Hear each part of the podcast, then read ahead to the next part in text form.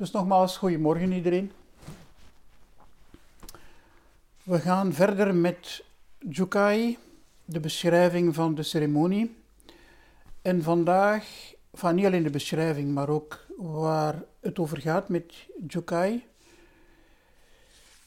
En vandaag zou ik eigenlijk willen dieper willen ingaan op de tien grote voorschriften, zoals ze genoemd worden, om ze te becommentariëren. En ik ga daarvan, daarvoor gebruik maken van een tekst van meester Keizan.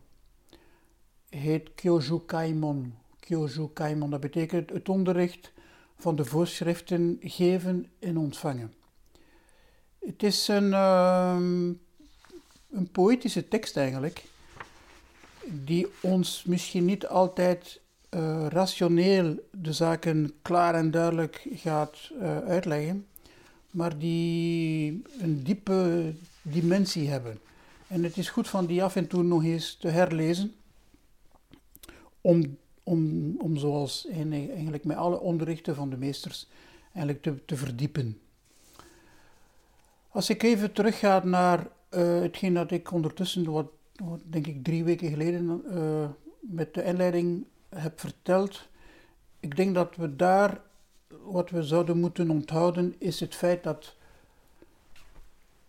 Jukai doen, dus de toevlucht nemen tot de drie schatten en de voorschriften ontvangen, betekent eigenlijk niks anders dan volgen. En volgen is werkelijk een, een, een, een um, ja, hoe moet ik het zeggen, een essentie is natuurlijk ook weer zo'n raar woord natuurlijk, maar toch een, een wezenlijk onderdeel van onze beoefening. Maar wat volgen precies? Wel, heel eenvoudig de Dharma, het onderricht van de Boeddha volgen. De zazen volgen. Eigenlijk komt het daarop neer. Maar uh, doen we dat werkelijk, die zazen volgen? Dat is een vraag die we ons eigenlijk zouden moeten stellen. En ik denk dat de Jukai, uh, Jukai momenten als, als ritueel een uitdrukking daarvan is. Alle aspecten van die ceremonie, zoals ik ze toen uh, heb uitgelegd, hebben daar voor een stuk mee te maken. En, maar ik merk ook wel, ook bij mezelf, dat het niet altijd evident is om de uiterste consequenties van dat volgen te volgen of te verdiepen of te onderzoeken. Um, zonder een waardeoordeel te, te, willen maken over wat, hoe de mensen beoefenen en zo. Wat ik wel merk is dat voor heel veel de beoefening erin bestaat om op een zafvoet te gaan zitten, uh, ademhaling, van alles wat jullie daarover willen weten. Maar het stopt niet bij die zafu, het stopt niet bij die dojo.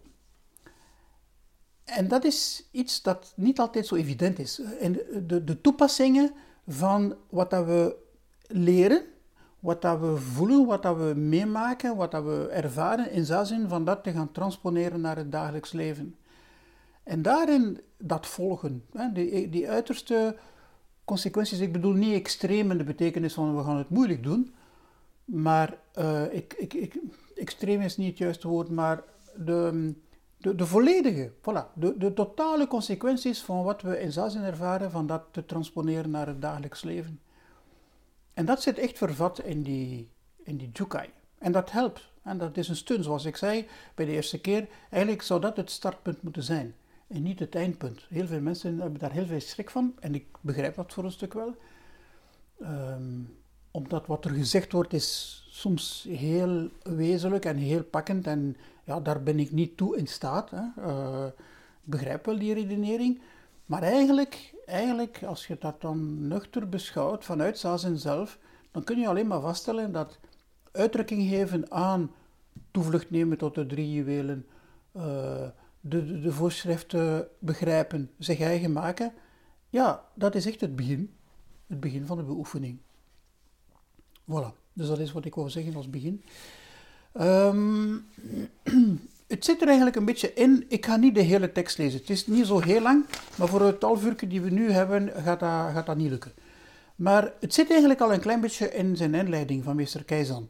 Want hij spreekt over uh, de overdracht. Dus de, de Boeddha-voorschriften, zoals hij ze noemt, worden overgedragen van patriarch op patriarch, van Boeddha op Boeddha. En het is in die context dat we dat moeten begrijpen. En um, je, dat is de algemene context. Ja? En uh, hij schrijft het poëtisch. Hè? Het is, de voorschriften zijn overgedragen op Mahakyashyapa, die allereerste uh, leerling uh, die de overdracht heeft gekregen. En daarna op Ananda, die, die twee bekende leerlingen van de Boeddha. Of dat historisch klopt, is niet zo heel belangrijk. Maar het is de geest die erachter is, die eigenlijk wel, van, die, die wel telt. Hij spreekt van de overdracht van het ontwaken. En dat vind ik eigenlijk wel een mooi uitdrukking. Ehm, het ontwaken is iets dat je kunt overdragen, bij wijze van spreken. En het is in die context dat je eigenlijk het geheel moet, moet, moet, moet begrijpen. En dan in een tweede paragraaf zegt hij aan de ene kant dat hij, dus hij Keizan, dus die voorschrift doorgeeft aan, aan u, aan ons, ja, ehm, uit dankbaarheid voor het mededogen van alle boeddha's. Dus het is weer al echt een zich inschrijven in een traditie. En het is dat wat je eigenlijk op de Ketsumyaku verwerkelijkt ziet, of eh, echt materieel, en die overdrachtslijn. Maar daar ga ik niet vandaag over spreken, want we gaan daar geen tijd over hebben. Maar ik heb het toen drie weken geleden al even aangehaald. Ik heb het even getoond. Maar in een volgende tijdshow, waarschijnlijk volgende week dan, zal ik specifiek enkel en alleen met die Kitsumyaku uh, uh, uitleg geven. Dus hij zegt, het is, ik, geef, ik, ik draag die voorschriften over op jou uit dankbaarheid voor het middendogen van alle boeddha's. Dus het is werkelijk altijd met, met in het achterhoofd de, diegenen die zijn, ons zijn voorafgegaan, dat we die ceremonie doen en uitvoeren. En aan de andere kant zegt hij, ik hoop dat je door de goedheid van de boeddha's en de patriarch geleid zult worden. Dus het is uh, een, een mooie interactie die er is met um, ja, het verleden. En, en zoals we nu zondag in de zijn, ik weet niet of jullie erbij waren, maar ik vermoed van wel, uh, over de tijd. Hè, eh, Dogen zegt het zelf. Hè, de, de, de tijd van het nu, als die radicaal beleefd wordt, zit alles vervat, verleden, heden, toekomst. Dus die, die, die scheiding die we altijd zo maken in ons geest, vervalt helemaal. Dus het is niet een abstract ding. Ja, de boeddha's, de patriarchen uit het verleden, die namen die we allemaal niet we weten niet wie dat zijn. We hebben daar geen foto's van, geen selfies, niks. Um, maar hier en nu zijn ze aanwezig in, in, in, in de beoefening. En ze, ze leiden ons nog altijd. Ik heb het in de Koesent over gezegd, hè? dus uh, tekst uit uh, um, Fukaza dat hij zegt, ja, we voelen nog altijd de invloed van die zes jaar, die Shakyamuni, hij heeft geen zes jaar gezeten natuurlijk, maar het is de, de symbolische uh, veruiterlijking daarvan. We voelen nog altijd die invloed nu, vandaag de dag, in 2020 nog altijd. Oké, dus dat is eigenlijk de algemene de inleiding van die tekst. Dan gaat hij over, hij volgt een klein beetje de, het verloop van de ceremonie. Ik heb er al over gesproken, dus de ceremonie van het uh, berouw met een sutra, Sangemon. Ik ga het even voorlezen, want het is een korte sutra, maar wel met een hele grote diepgang. Alle slechte daden, sinds onheugelijke tijden voortgekomen uit mijn verlangens, woede en onwetendheid, begaan met mijn lichaam, mond en bewustzijn, dus de drie aspecten die karma produceren, al dat slecht karma zonder begin wil ik nu bekennen en ik toon er mij berouw over. Dus dat is een belangrijk moment in, in de ceremonie. En ehm, die sutra wordt drie keer herhaald, elke keer met een pai, wanneer dat we die hebben uitgesproken. Het is geen publieke biecht. Ehm, toch zeker niet een biecht zoals we dat zouden kunnen zien in de politiek of in, uh, in een of andere. Ja, ik heb fouten gedaan, maar het is een intiem, een intiem gebeuren.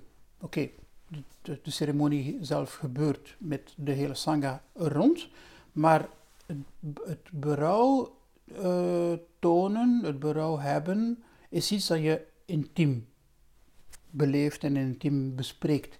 En het is ook vanuit die intimiteit dat het werkelijk die, die karma geneutraliseerd kan worden. Het is Mr. Deshimaru, ik weet niet meer juist waar, hij het ook uh, gezegd heeft, in een of ander boek, voor mij dan, uh, zegt eigenlijk de, de, de, het ware berouw gebeurt in zazen. Als je in zazen berouw toont voor iets dat niet juist is verlopen met je doen en laten, of je zeggen of je denken, als je daar berouw op toont, dan ga je de, de invloed van die karma verminderen. Dus dat is eigenlijk een, een, belangrijk moment in die ceremonie om het vanuit een blanco pagina, kunnen we misschien wel zeggen, te, te starten. Dan heb je de eerste drie voorschriften, maar dat zijn dus de toevlucht nemen tot de drie schatten. Hij legt dat even uit, ik heb dat van de laatste keer al, uh, ik ga dat nu niet doen, want ik wil even naar de, de tien grote voorschriften gaan. Ah ja, eerst heb je nog de drie zuivere voorschriften. Ik kan ze even schrijven, enfin, uh, voorlezen zoals hij ze beschrijft. Dus de eerst, geen kwaad meer doen. Dat is wat we meestal zeggen hè, in, tijdens de ceremonie. Maar hij schrijft daarbij, dat is de bron van de Boeddha-voorschrift. Maak er je verblijf van. Maak er je verblijf van. Enkel goed doen dat is de dharma van het hoogste ontwaken voor alle wezens. Goed doen voor de anderen overstijgt, overstijgt het heilige en het wereldse en help alle wezens om zich te bevrijden, zoals je jezelf zou helpen. Nou, dus dat is zijn commentaar. En je voelt al een klein beetje zo wat ik daar straks, die poëzie van Mr. Keizan, Ehm, het, het, zijn woorden die zich niet richten tot enkel het rationele, maar tot het, het, het, het breder, het breder, de bredere dimensie van ons mens zijn. En dan komen we dus bij de tien grote voorschriften.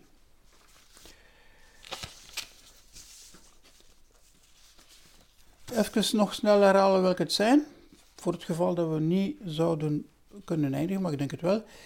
Niet doden, niet stelen, niet begeren, niet liegen, zich niet bedwelmen, niet kritiseren, niet fier zijn op zichzelf, niet trots zijn, niet gierig, niet, niet woedend worden en geen kwaad spreken over de drie juwelen.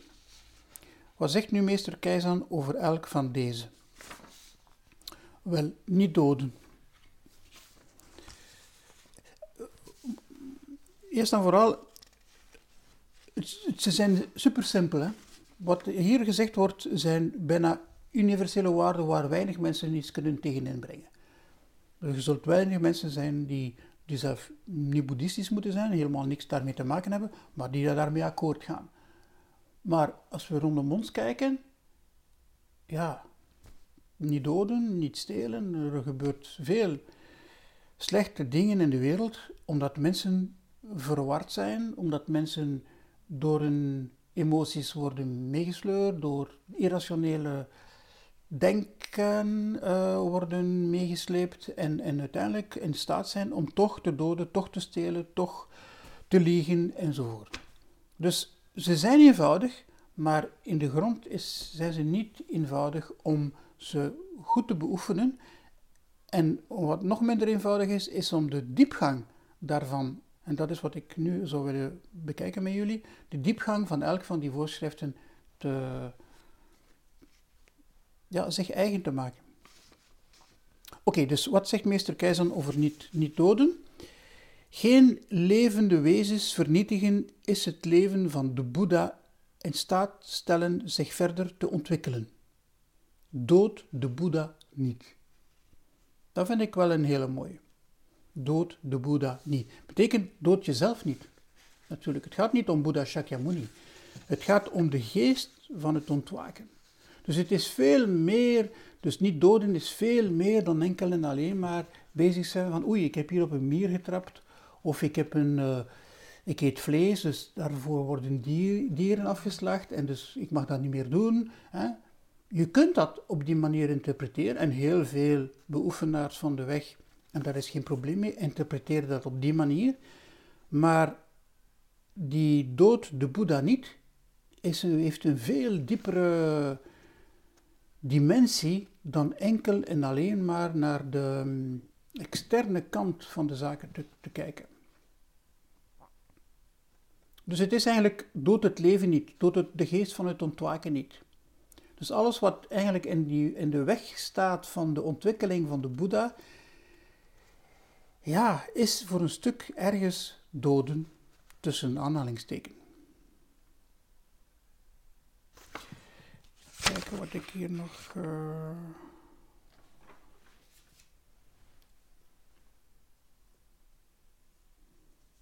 Ja, de stroom van het leven moeten we respecteren. Hoe dat die ook uh, loopt en gaat.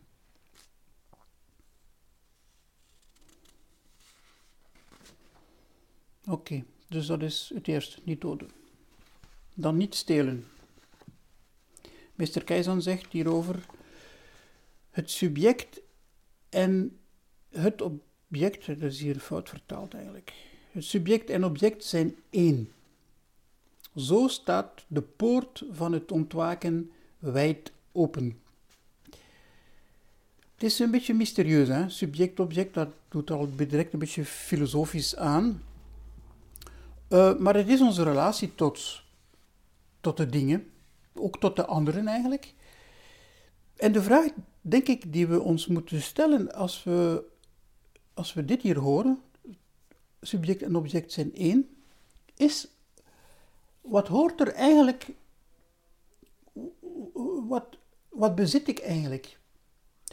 Wat, wat behoort mij eigenlijk toe?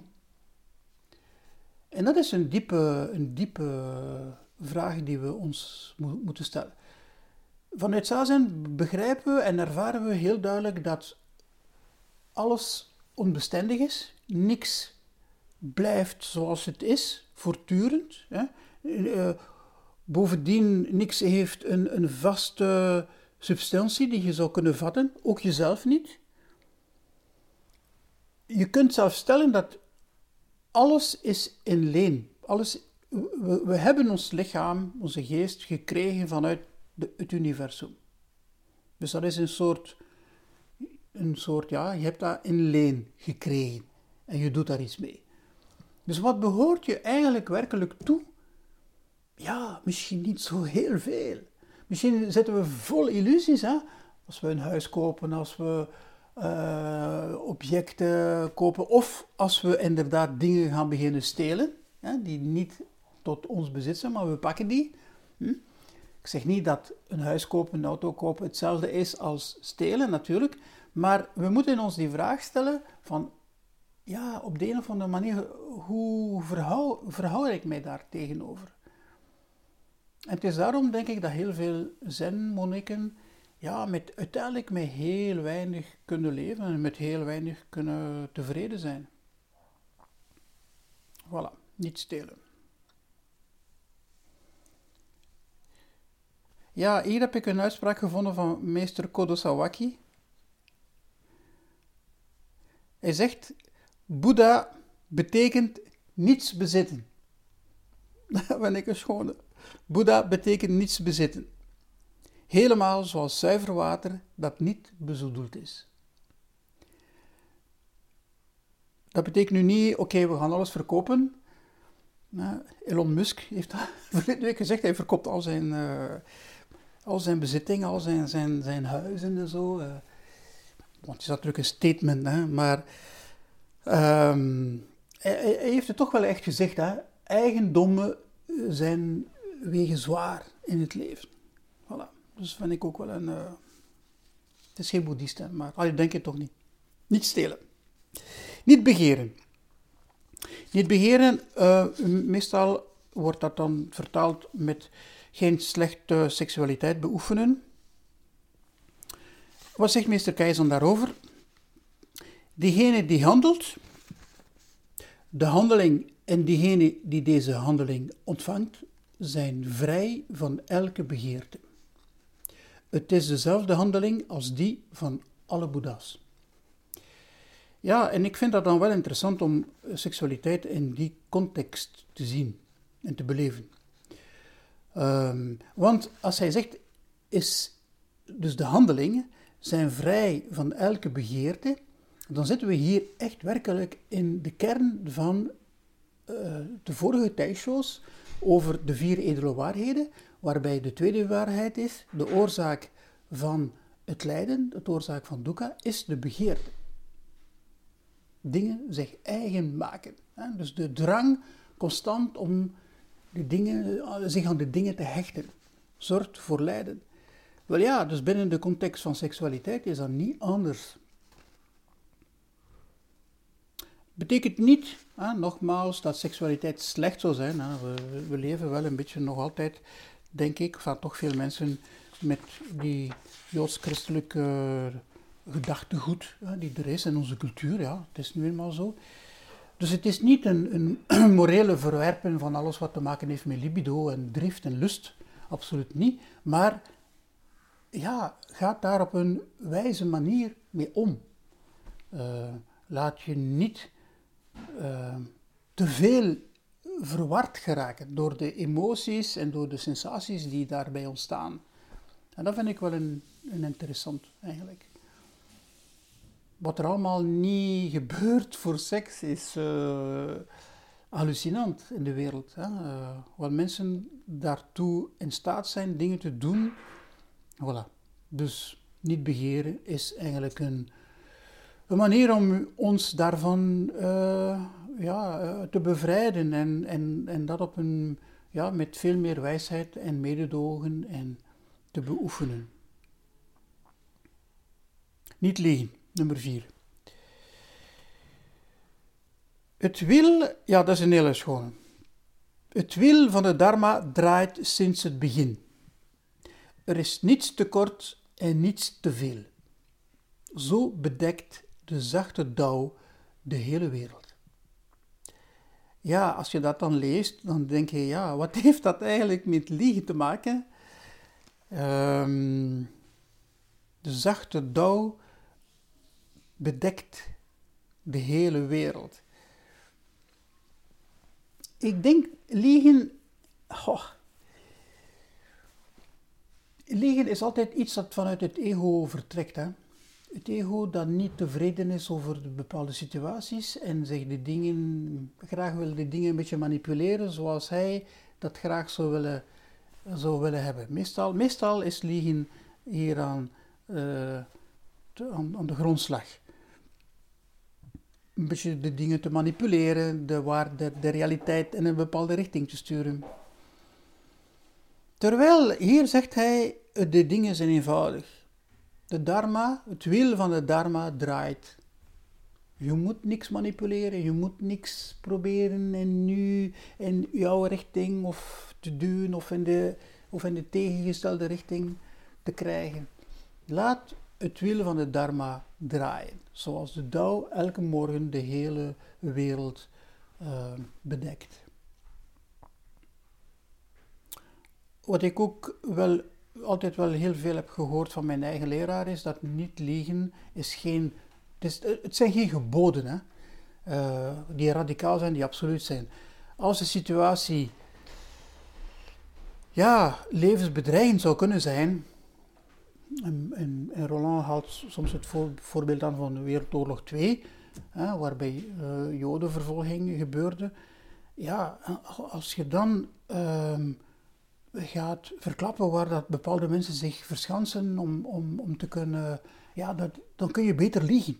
En dus dat is ook weer een, een, op een wijze manier met die, met die voorschriften om te gaan.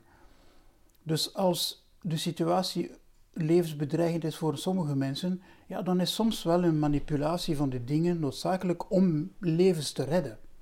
Dus dat is wel iets dat je altijd wel een beetje aan je achterhoofd moet houden. Dus als het niet is, voilà, als je het niet doet vanuit je ego, ja, dan is liegen misschien geen liegen niet meer. Maar een, een handig middel om het leven, het, het eerste uh, voorschrift, te laten respecteren. En dat is niet doden. Vijf. Zich niet bedwelmen. Bij Keizan, en dat is ook traditioneel zo, bij de Boeddha, de wijn van de illusie niet verkopen. Hij zegt daarover: Er is niets waarover je je illusies kunt maken. Er is niets waarover je je illusies kunt maken. Als we dat beseffen, verwezenlijken we, het ontwaken. Dat is een moeilijke, denk ik. Ja? Omdat we leven met illusies. Ja? Um, illusies zijn bron van, onze, van ons lijden. En als hij zegt, ja, er is niets waarover je je illusies kunt maken, dan heb je eigenlijk al wel een vorm van ontwaken bereikt om dat te kunnen zeggen, die misschien voor de eerste en de beste, van de eerste, de beste persoon die beoefent, misschien niet zo direct uh, te begrijpen is. Nu, ik kan misschien jullie een beetje op, op weg helpen in de betekenis van beziet je, de eerste stap zou kunnen zijn, beziet die, de illusies die je storen, die je bezit ze in hun ware aard, zoals ze zijn. Bezit de leegheid, zoals de Hanya Shingyo het ons vertelt, bezit de leegheid van je eigen illusies. Dat is een, al een, een, een, goede, een goede beoefening. Het is niet gemakkelijk, omdat we precies, omdat ze ons, uh, ja, omdat ze ons storen, omdat ze... Maar bon, dat is eigenlijk de... ze helder zien. Voilà. En dan kunnen we misschien met verder te verdiepen komen tot waar meester Keizer zegt. Ja, hij zegt het is het ontwaken verwezenlijken. Als je kunt merken dat je over niks een illusie kunt maken, als we dat beseffen, dan hebben we het ontwaken. Niet evident. Maar het is een manier om te werken. Oké, we gaan verder. We moeten, de tijd gaat verder. Niet bekritiseren. Niet bekritiseren. In het Boeddha-onderricht bestaat de waarheid in elk ding. Interessant. Iedereen volgt hetzelfde onderricht. Iedereen volgt hetzelfde ontwaken en hetzelfde gedrag. Bekritiseer niet en spreek niet over andermans fouten. Bezoedel de weg niet. Dat is ook geen gemakkelijk, omdat we altijd zo heel sterk die neiging hebben om naar de anderen te kijken en, uh, en de anderen uh, hun fouten direct. Uh, jullie kennen allemaal wel die het mooie gezegde uit de christelijke traditie. Het is over je ziet de splinter. Nee, je ziet het balken in de ogen van je, van je medemens wel, maar je ziet niet de splinter in je eigen ogen. Ik weet het niet meer juist hoe dat. Uh, het is iets aan die stijl. Um, dus voilà, die neiging om altijd eigenlijk. Um, ja, de fouten van de anderen te zien. En ik merk ook in onze sangha hoe snel dat. Ah, die heeft dat niet goed gedaan, die heeft dat niet goed gedaan. Oké, oké, dat kan zijn. Maar kijk eerst naar jezelf.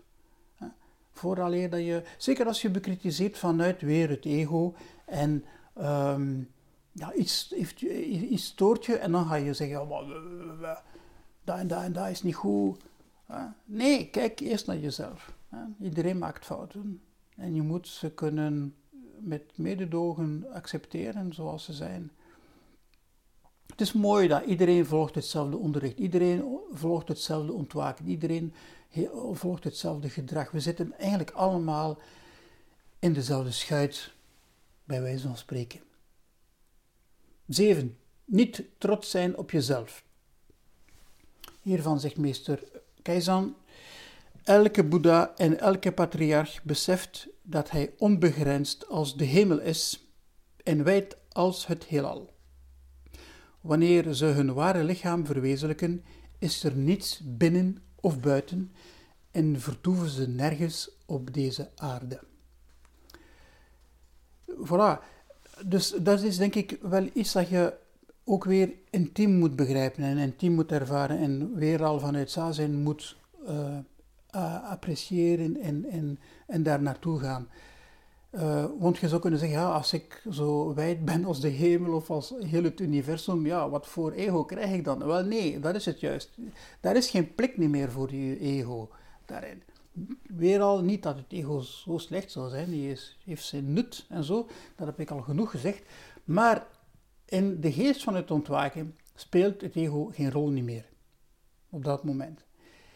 En dan ben je inderdaad, dan is iedereen Boeddha en is iedereen zo wijd als de hemel of als het hele universum. En dan is er ook geen reden om trots te zijn voor wat je doet, van wat je zegt, van wat je denkt, van, hoe je in het leven staat. Dat is trouwens wat altijd mij zeer sterk is opgevallen bij de, bij, bij de leraren met heel veel ervaringen. Dat is die bescheidenheid van die mensen, die, die transparantie. Dat is letterlijk, je kunt dat bijna zien, dat die, hun ego is weg. Die, je voelt daar meteen een, een, uh, een affectie voor. Het zijn zoals, een beetje zoals kleine baby's eigenlijk. En uh, voilà. Baby's zijn niet trots op hunzelf. vanaf een bepaalde leeftijd begint dat wel. Maar zolang dat ze hun ego, ego niet hebben ontwikkeld, eh, eh, kennen ze dat gevoel niet. Voilà. En dus dat herken ik soms wel heel sterk in, in, ja, in leraren die, die ik zo ontmoet heb, een beetje overal. Dat is toch een eigenschap van hen. Niet gierig zijn, kom, we moeten vooruit gaan. Niet gierig zijn. Meester Keizan zegt, er is niets om gierig op te zijn. Een zin, een vers, alle verschijnsel, een bestaansvorm, een ontwaken. Het zijn allemaal boeddha's en patriarchen. Vind ik ook een hele mooie. Eigenlijk heel die tekst is prachtig. Um, hou niks voor jezelf. Zit niet te rekenen, zit niet te, te wikken en te ja, ik ga toch een klein beetje. Ik kan niet alles geven, want ik moet die, alles klein, hè, gierig zijn, dat is allemaal zo beperken.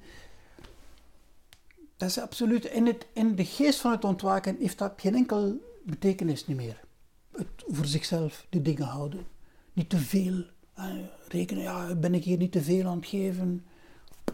Dat heeft eigenlijk in de geest van het ontwaken, zo moet je eigenlijk al die voorschriften zien, heeft dat geen enkel rol. Speelt dat geen enkel, is dat van geen enkel betekenis niet meer.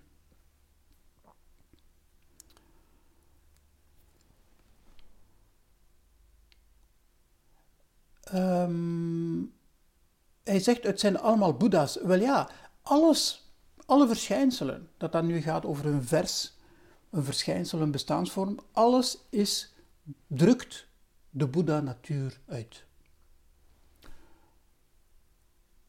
Nee, sorry, ik ben... Ja, toch wel. Nee, nee, het is niet deze.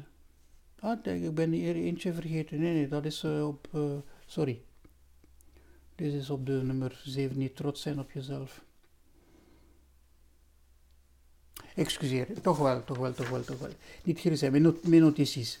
Alles drukt Boeddha natuur uit, ja, dat zegt hij ook. Het zijn allemaal Boeddha's. En je kunt daar dus niet op sparen. Je kunt niet iets voor je houden. Dus het is de beoefening van de vrijgevigheid, de beoefening van het niet rekenen, Natuurlijk, je kunt zeggen, ja, dan is het soms gevaarlijk. Hè? Je kunt dan, uh, moet ook niet naïef zijn natuurlijk. Hè? Is niet dat je je geld direct moet gaan uitdelen bij iedereen en, en dan in moeilijkheden geraken.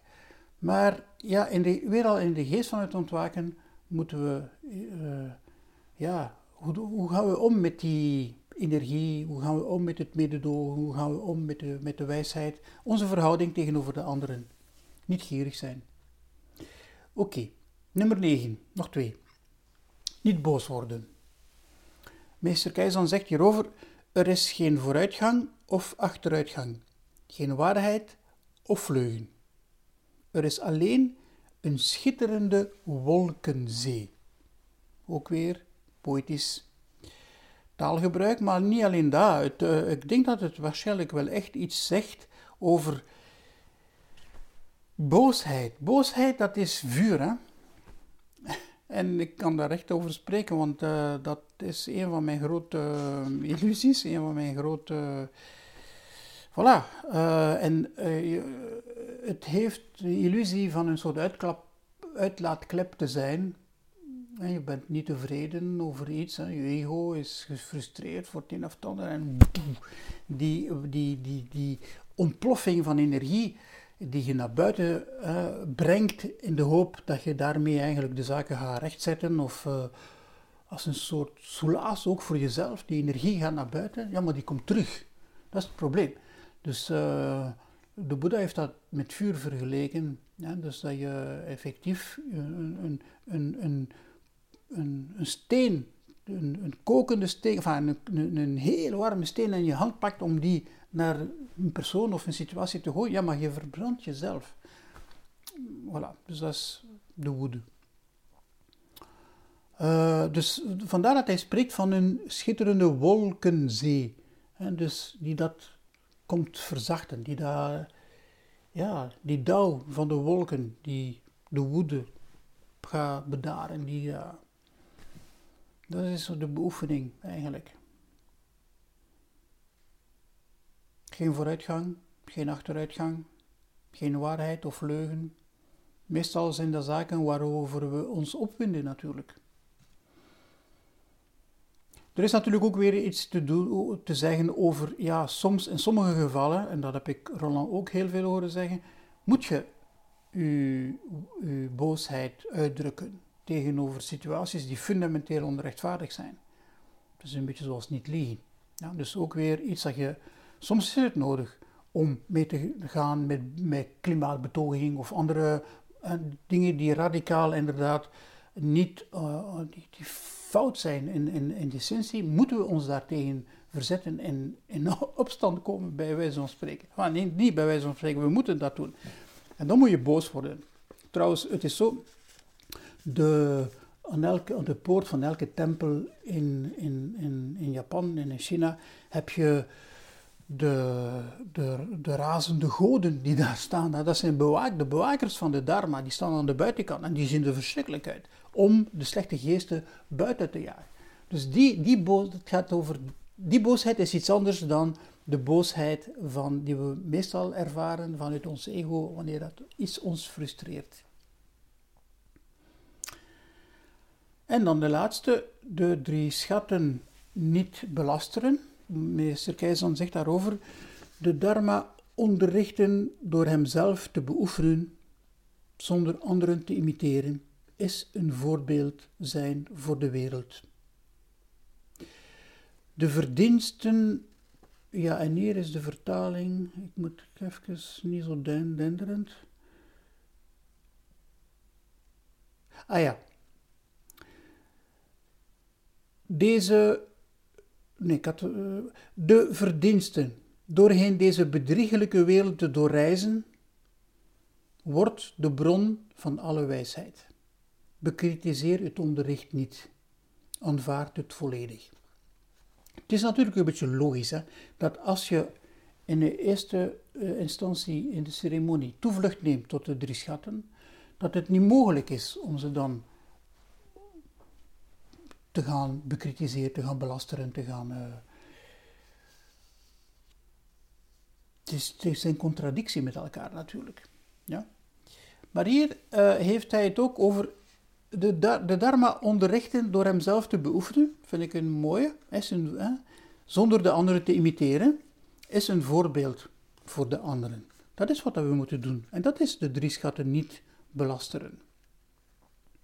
En deze bedriegelijke wereld, door daar doorheen gaan, daar overheen gaan, de, aan de overkant geraken, de verdienste daarvan wordt de bron van alle wijsheid.